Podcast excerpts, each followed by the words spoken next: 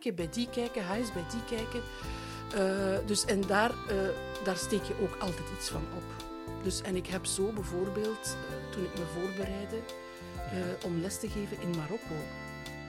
Welkom bij De Taalverwervers, een podcast van Axon Graaf in samenwerking met NovaVox. Mijn naam is Dien Meert, uw host van deze gloednieuwe podcast. Een podcast over de visie en het verhaal achter het taalbedrijf Axon Graaf en dat door de ogen van Grietje de Graven. Je hebt al eh, een enige carrière achter de rug. Je hebt dus zeker wat ervaring en indrukken opgedaan. Maar nu, hoe komt het eigenlijk dat je na al die jaren ervaring kiest voor de huidige methode van Axon Graaf? En met andere woorden, de neurolinguïstische aanpak trouwens. Dat, is, dat is nogal een woord, hè? neurolinguistisch, als je dat met Scrabble kunt leggen. Ja, dan heb je veel puntjes. En vergeet natuurlijk de puntjes op de i niet. Nee, die gaan we vandaag zeker ook opzetten. gaan we er ook. gaan vandaag ook wat puntjes op de i zetten. Ja. Vertel eens over, ja, hoe komt het eigenlijk dat je na al die jaren ervaring toch kiest voor de huidige methode? Ja, wel, eerst wou ik zeggen, ervaring is zeker en vast een positief iets. Het kan ook tegen je werken. Dat is ook, mhm. dus als je vastzit in iets en je hebt gefossiliseerde ideeën en je gaat niet meer mee met de huidige onderzoeken, bijvoorbeeld. Je moet blijven lezen, je moet je blijven vernieuwen. Maar de ervaring kan inderdaad een bron zijn om terug uit te putten en om te gaan kijken uh, wat wel werkte en wat niet werkte. Dus dat is het voordeel van ervaring.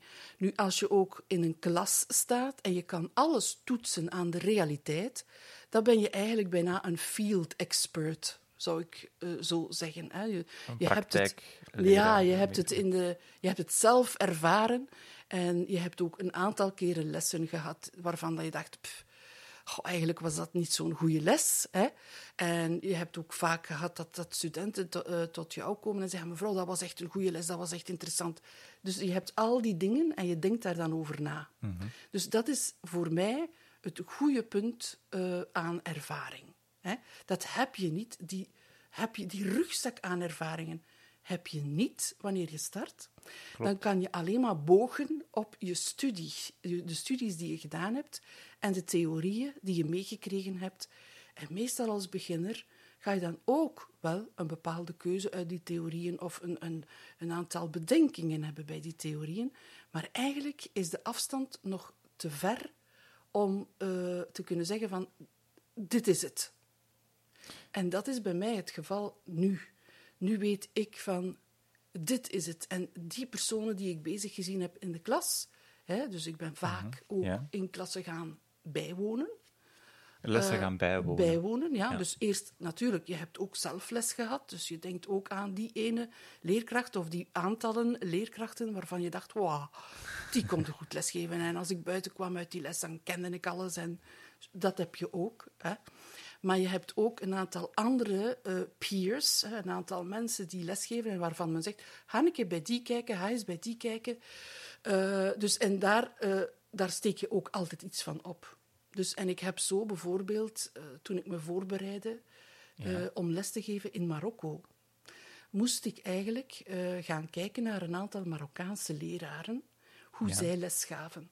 Is dat echt zo'n andere manier van lesgeven dan? Goh, in de tijd, wanneer, toen, toen ik daar in Marokko, naar Marokko ging, vond ik wel het grote verschil was hoe, ze de, klas, hoe de klas zich bijna gedroeg als een, een, een mooie groep, een homogene groep, die ja. met enthousiasme, met enthousiasme de leraar volgde bij wat hij, wat hij deed. Dus dat vind Echt ik al... een gedisciplineerde klas. Ja, maar dat, dat kwam vanzelf. Die, die discipline, of, of, er was heel veel respect voor de leraar ook. Maar dat respect kwam er omdat de leerlingen vonden dat hij heel goed was ook.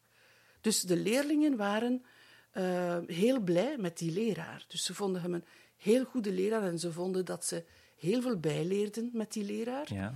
En daarom was hij ook uitgekozen uh, voor, als voorbeeld van andere leerkrachten. En zeker mensen die uit Europa kwamen en die dus eigenlijk de cultuur niet zo goed kenden, dus ja. de lescultuur, de cultuur van het lesgeven, uh, speelt een rol. Hè. Dus men geeft niet op dezelfde manier les hier in Europa als in Afrika in een klein dorpje, Of of, in Azië, of in Azië, in China, of in enzovoort enzovoort. En het was heel interessant om te zien hoe die studenten en eh, dus meegingen met die leraar en welke grote interactie er was. Er was absoluut geen eh ex-cathedra lesgeven. De studenten bijvoorbeeld, wat ze toen deden samen met die leraar, was een samenvatting van een tekst samen op het bord maken. Je gaf al aan, Grietje, dat er een link is met Mercator. Kan je daar eens even dieper op ingaan? Ja, dus ehm, daar waar ik de link zie, is dat net zoals Mercator, eh, ik ook ergens in mijn hoofd een kaart heb van de bestaande ervaringen, van de methodes die overal gebruikt werden, worden, en ook de theoretici van deze methodes. En hoe dit allemaal geëvolueerd is de laatste veertig jaar. Dus u moet weten, of de mensen die, die luisteren, zouden eh, ja, kunnen best. Allee, eh, het is interessant om te weten, zal ik zeggen, dat mijn carrière nu net over die 40 jaar, laatste jaren gespreid, verspreid is. En in die 40 jaren is er heel wat gebeurd.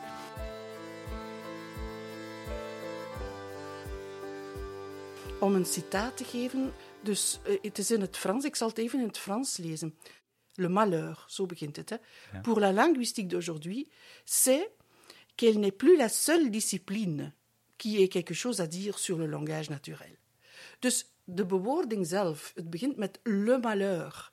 Dus zij betreuren dat de linguïstiek niet meer de enige discipline is. Zoals ik het zie, is het net goed dat de linguïstiek niet meer de enige discipline is die over taal gaat. Want er is duidelijk een tweespalt gekomen. Ja. Het zou elkaar moeten aanvullen, maar in deze bewoordingen zie je dat de linguïstiek daar eigenlijk niet mee gediend is. Maar die tweede branche, en dat is nu waar ik mij in bevind eigenlijk, gaat over de inbreng van psychologie, van de filosofie, van de eh, informatica, ehm, van de intelligente, eh, artificiële intelligentie en van de neurowetenschappen over taal. Nu, je spreekt daar ook over AI en dergelijke. Nu, ja, hoe belangrijk zijn eigenlijk die recente ontdekkingen als het gaat over het verwerven van taal? Want vandaag de dag kunnen we de, dus hersenactiviteit meten. Ik vind het misschien interessant ook om eens aan jou te vragen, waarom spreek je dan van de taalverwervers als titel voor deze podcast? Dat is misschien ook wel een goeie om bij stil te staan. Ja, die titel is echt zo gekozen omdat ik absoluut niet wilde gaan voor taalstudie of een taal leren. Nee, dit zijn ehm, termen die nu net verwijzen naar die oude manier waarop men altijd gezegd heeft dat taal geleerd moet worden. En met oude manier bedoel ik, ik ben ook gevormd in die oude manier. Ik, ik denk dat ik alles gezegd heb, we gaan de boel op zijn kop zetten. En dat is een beetje raar, want dat, dat is zo precies van, allee, hè, we gaan hier weer een keer... Nee, nee, laat toch een keer de dingen zoals ze zijn. Waarom altijd vernieuwing? Enzovoort. Maar de vernieuwing die er nu aankomt, dankzij die neurowetenschappen, is een langzame weg die afgelegd is Ja. tot het kunnen in kaart brengen, weer al eens, van de hersenen en van hoe die reageren, de impulsen, de neuronen, hoe die elkaar verstevigen, wat er dus eigenlijk gebeurt in de hersenen wanneer men een taal verwerft. En dan heeft men ook daar een tweespalt. Men heeft dus eerst zal ik terugkomen op de tweespalt linguïstiek Ja. en al die andere eh, die, al die andere wetenschappelijke inbrengen hebben absoluut een rol gespeeld in wat ik nu vertel. Hè. Dus in die verwarming van de taal. Want alles wat linguïstiek is, is eigenlijk het bestuderen van het object taal als een vak ook in de school. En de grote vragen die Claude Germain zich gesteld heeft, De, mens, de persoon die je net hebt geciteerd. Nee, het is, het is de persoon die eigenlijk eh, de methode, de neurolinguïstische aanpak eh, in, eh, in kaart, allee, dus echt uit, uitgediept heeft en Ja. gezegd heeft hoe we moeten in de praktijk te werk gaan om die ehm, verwerving van de taal zo goed mogelijk te matchen met wat er in onze hersenen gebeurt. Want zo'n onderzoeken of die, die persoon was al geïnteresseerd in wat er in de hersenen gebeurt toen der tijd. Ja, hij is natuurlijk geen neurodokter, zo, zal ik zeggen. Hè? Hij was wetenschapper. Hij was een linguist.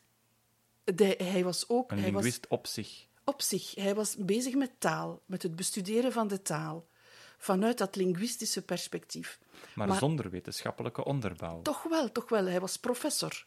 Dus hij had ook helemaal die weg afgelegd van, zoals je op een academie bent en je gaat al de mensen die stukjes en brokjes toegevoegd hebben bij het systeem, bijvoorbeeld net alsof je fysica studeert, ga je over Newton, ga je over Faraday, ga je over eh, Archimedes en je gaat tot vandaag. hè? Ja, ja. Dus die heeft dat ook gedaan. Maar hij heeft net zo, en dat is waarom ik zo aangetrokken ben tot, zijn, tot de weg die hij heeft afgelegd. Ja. Hij heeft ook de wetenschap die hij gezien heeft, de kennis die hij, die hij ge- geïntegreerd heeft, he- heeft hij verbonden met wat hij in zijn klas opmerkte. Dus ook die ervaringen Nam hij mee. ja, heeft hij dus heeft, heeft hij overwogen. En dus een aantal zaken, daar heeft hij enorm over nagedacht. En dat zijn wel heel interessante vragen om over na te denken.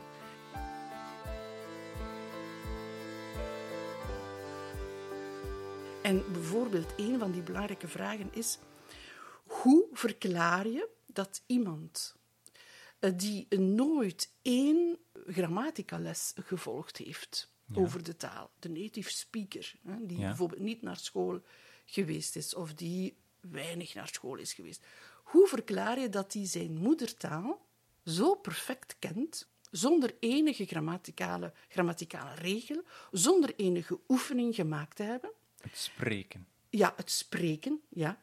En hoe verklaar je dat iemand die naar de school gaat, dus dat is het eerste. Nummer twee, hoe verklaar je dat iemand die naar de school gaat, die daar een taal leert op academische wijze, dus met de leraar in Ja. de klas, hoe verklaar je dat die mensen goed leren schrijven en een goed opstel zullen maken, zonder foutjes, hè, of, of Ja. heel weinig fouten.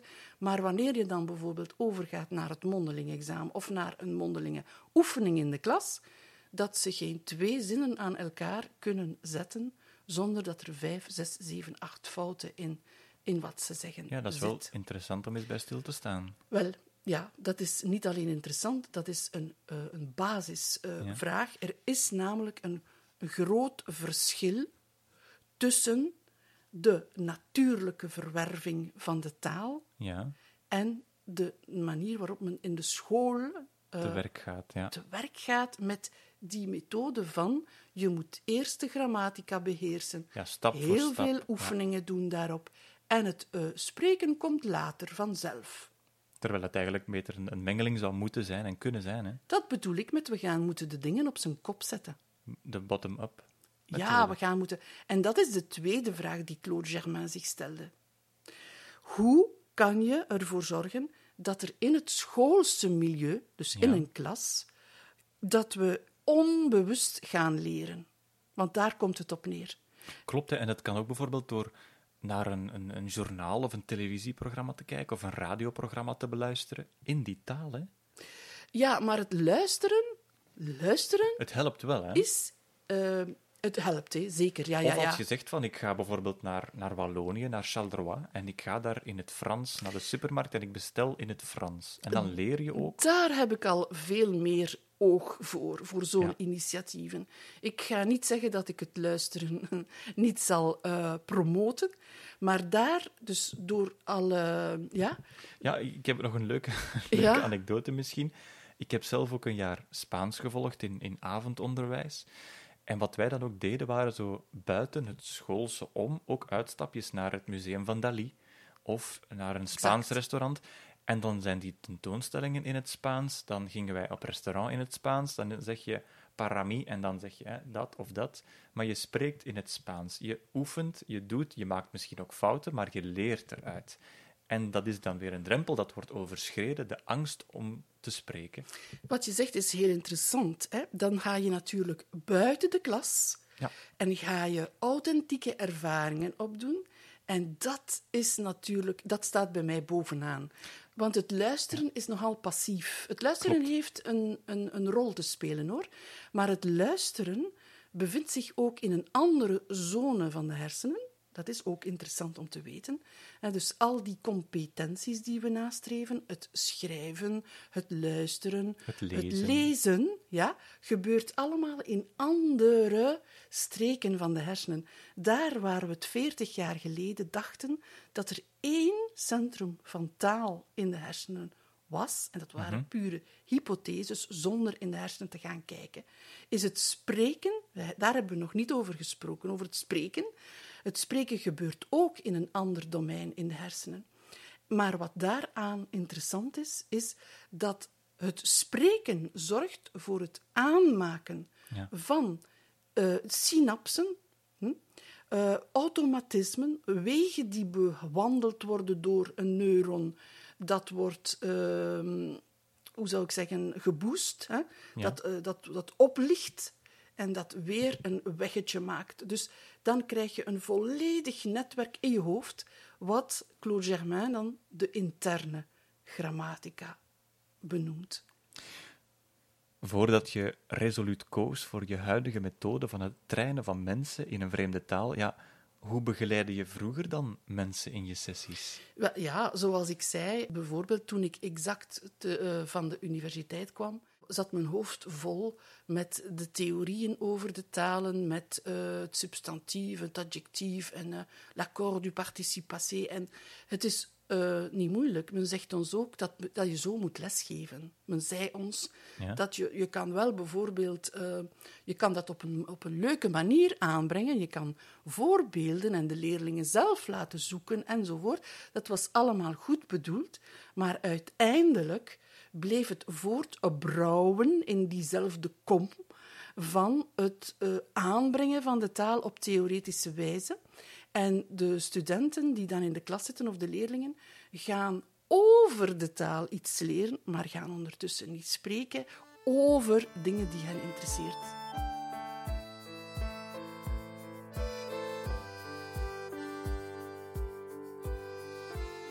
Verliezen ze ook weer een stuk interesse voor de Ja. taal.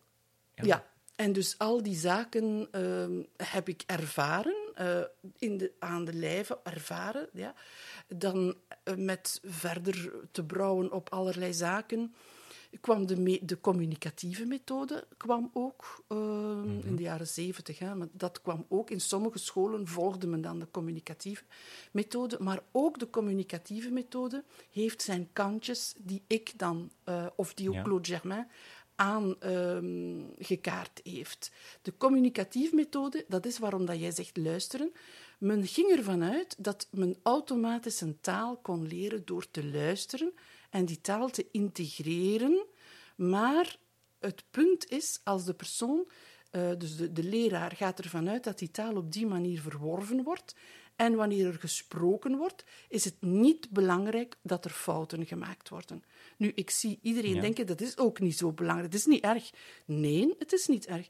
Maar in de methode van Claude Germain, in de methode van de neurolinguïstiek, is het niet de systematische grammatica die zorgt voor de vooruitgang in een taal, maar het gebruik van de taal en de verbetering van de coach, de verbetering van de trainer, van de fouten die gehoord worden. En binnen Accent Graaf gaan jullie dan ook wel te werk in de zin van je neemt de mensen mee op rondleiding, op wandeling, bij activiteiten. En op die manier wordt het ook nog, naast het educatievere, ook nog gewoon leuk hè, om een Maar taal te leren. Dat is heel belangrijk.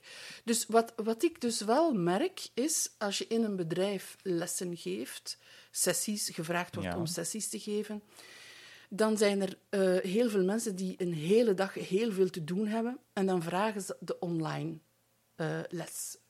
Dus wij hebben nu in onze podcast een beetje de nadruk gelegd op kom uit de klas.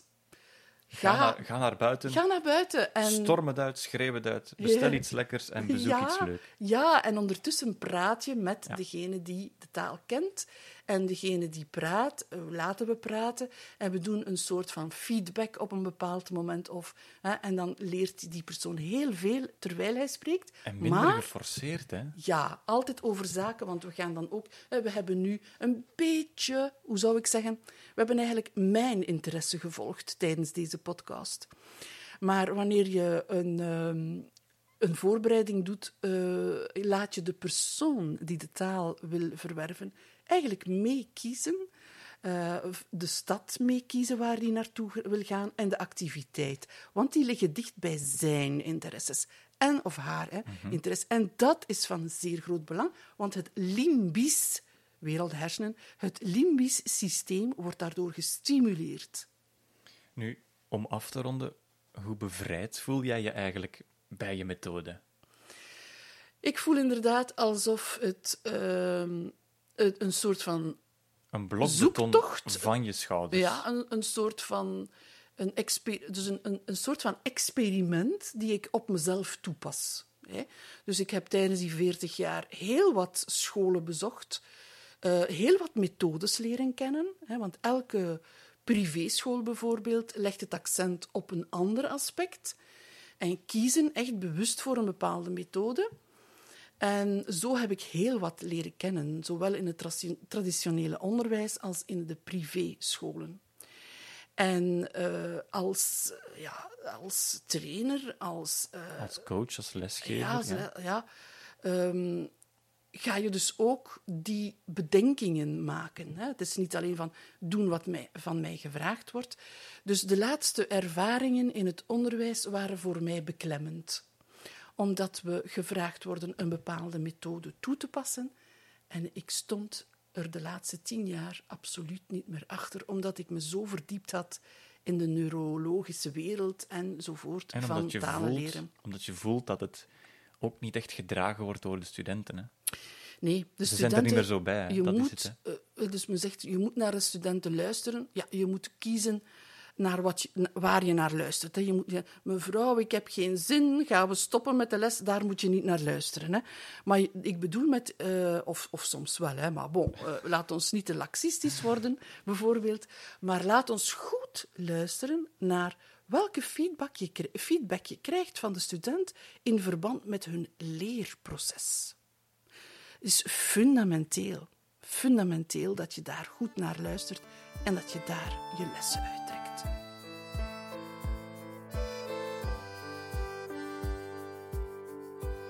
Weer een andere mooie stad in Vlaanderen is Sint-Niklaas. Een stad die eigenlijk nog heel wat te bieden heeft, maar ook heel wat historie met zich meedraagt. Maar die toch nog een beetje onontgonnen terrein is voor jou, hè, Grietje? Klopt. Dien, uh, voor mij is Sint-Niklaas wel een, een, naam van een stad die ik ken. Maar eigenlijk ben ik daar niet zoveel gepasseerd in mijn leven. En bij de voorbereiding van deze podcast heb ik dan toch wel gezien: oh, hier zijn uh, interessante items om aan te raken tijdens um, bijvoorbeeld een wandeling die we maken, een taalwandeling natuurlijk, via het bedrijf. Zal ik een paar personen eruit halen die een band hebben met uh, deze streek of de stad? Dat kan je zeker doen, want ik denk dat Sint-Niklaas heel wat geheimen in petto heeft en heel wat interessante verhalen te vertellen heeft ook. Ja, ik ga het gewoon proberen om chronologisch een aantal personen eruit te halen. Een, een drietal hoor, niet te veel. Maar ik zal beginnen met een ander vraagje. Uh, als je hoort van Sint-Niklaas, waaraan denk je dan automatisch? Ja, ik denk aan de Goedheiligman, Sinterklaas eigenlijk. Ja, de man die ons snoepgoed brengt op 6 december.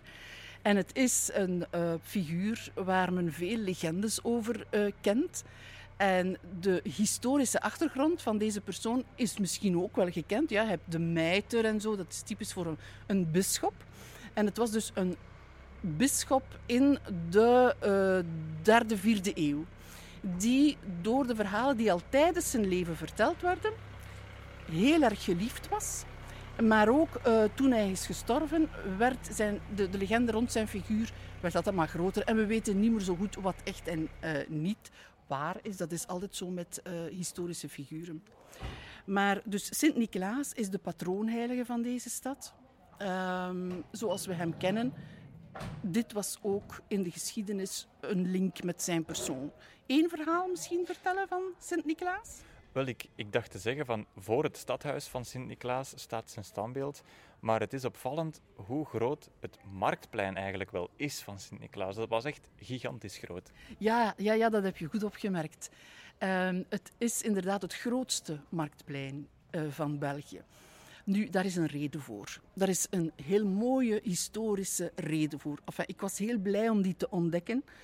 Want natuurlijk, je weet allemaal hoe leuk ik geschiedenis vind ondertussen. Hè? Dus ook hier word je goed bediend. Deze hele grote markt werd geschonken aan Sint-Niklaas door twee gravinnen van Vlaanderen. En dat waren de dochters van de graaf die in Jeruzalem koning is geworden met die eerste kruisvaart. Hè. Dus die twee dochters uh, zijn allebei gravinnen geweest. Daar is weinig over gekend, omdat het ook vrouwen waren. Als je in Gent naar de dat restaurant gaat met de gekroonde hoofden, staan ze er ook niet op, bijvoorbeeld. En dat is omdat het vrouwen waren. Maar ze waren wel degelijk belangrijk ook. En zij hebben dus grond geschonken aan Sint-Niklaas. Met als voorwaarde dat er op deze grond van dat niets mocht, dus was een plein geworden en er mocht niets verbouwd of gebouwd worden op het plein. Vandaar dat, het, dat er men echt heel lang nagedacht heeft over wat gaan we erop zetten en aanvragen werden afgewezen en een paar inbreuken zijn gebleven, zoals het stadhuis. Um, en de figuur die hierop staat is niet minder dan Reinaard de Vos.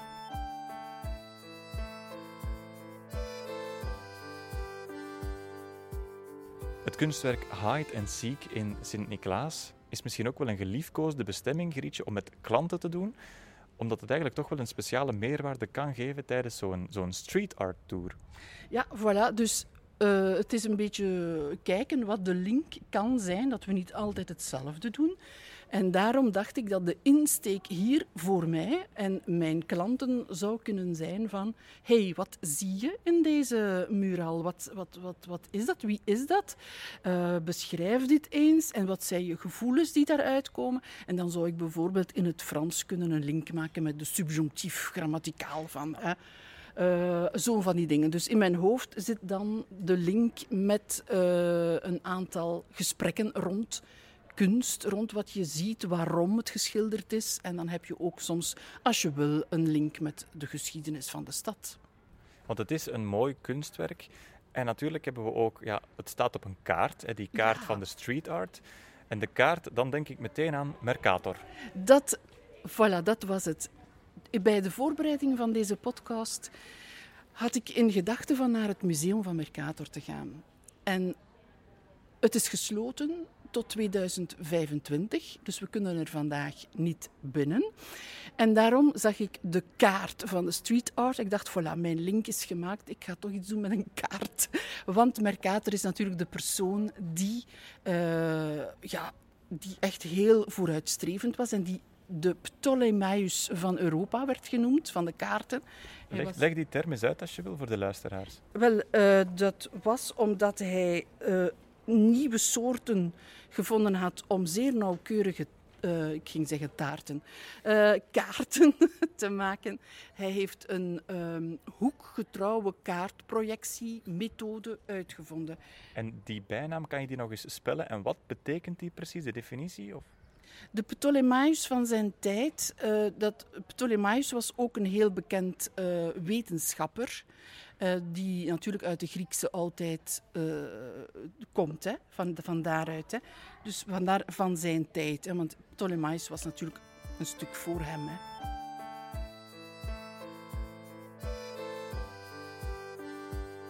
Mercator was iemand die kaarten kon tekenen en die heel wat kaarten heeft getekend in zijn leven. Maar eigenlijk binnen Axangraaf, uh, Grietje, ben je eigenlijk toch ook de persoon die graag de kaart en de map van het leren van een taal ook wel aan het hertekenen bent. Hé, hey, dat is mooi gezegd. Uh, ik zou dat inderdaad, uh, ik zou daar, daar een steentje willen toe bijdragen. Jullie hebben al een beetje gehoord over hoe ik het zie, hoe het uh, volgens de wetenschappen eigenlijk, hoe talen leren in elkaar zit. En ik zou dit toch wel als bijdrage tot, uh, tot het taalonderwijs eigenlijk willen. Ik zou, dat, ik zou daar willen bij helpen om het talen leren makkelijker te maken en vooruit te helpen vooral.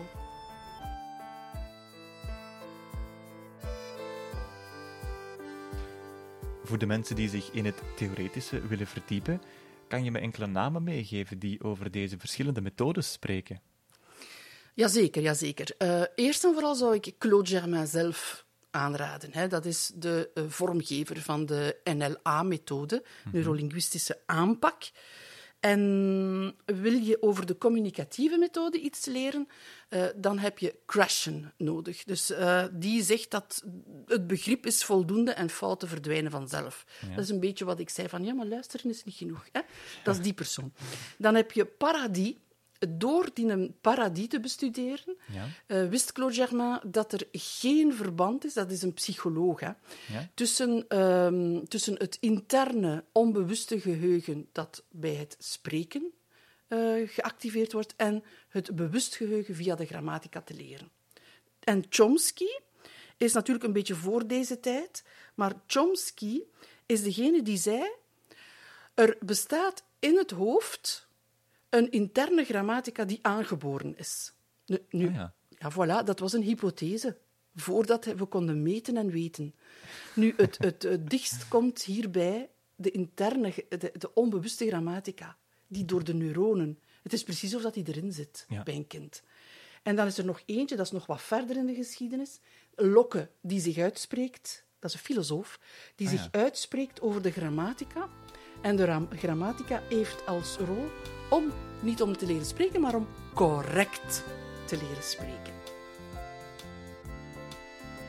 Wens je meer informatie over de werkwijze van Axon Graaf of wil je deze aflevering herbeluisteren?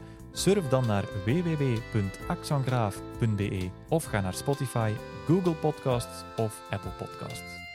En volg ons zeker op LinkedIn en Instagram.